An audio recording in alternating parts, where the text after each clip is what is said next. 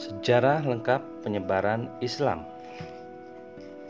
Pada bagian pendahuluan buku karya Profesor Dr. Thomas W. Arnold menyebutkan bahwa sejak Max Muller membawakan materi kuliahnya di Piara Westminster pada hari perantaraan untuk para misioner pada bulan Desember 1873, ajaran menyebar dalam berbagai kepustakaan dengan kesimpulan bahwa enam agama terbesar di dunia bisa dibagi ke dalam agama dakwah dan agama non-dakwah.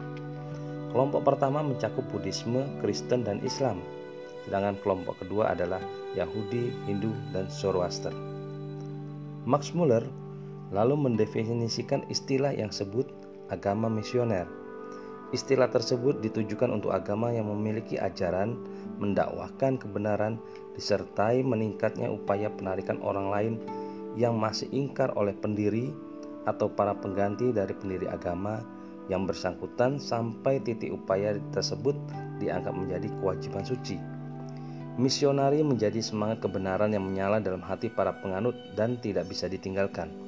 Bahkan ditunjukkan dalam pemikiran, kata-kata, dan perbuatan yang tidak akan puas sampai agama tersebut bisa merasuk dalam setiap jiwa manusia hingga hal yang diyakini sebagai kebenaran diterima sebagai kebenaran pula oleh seluruh manusia.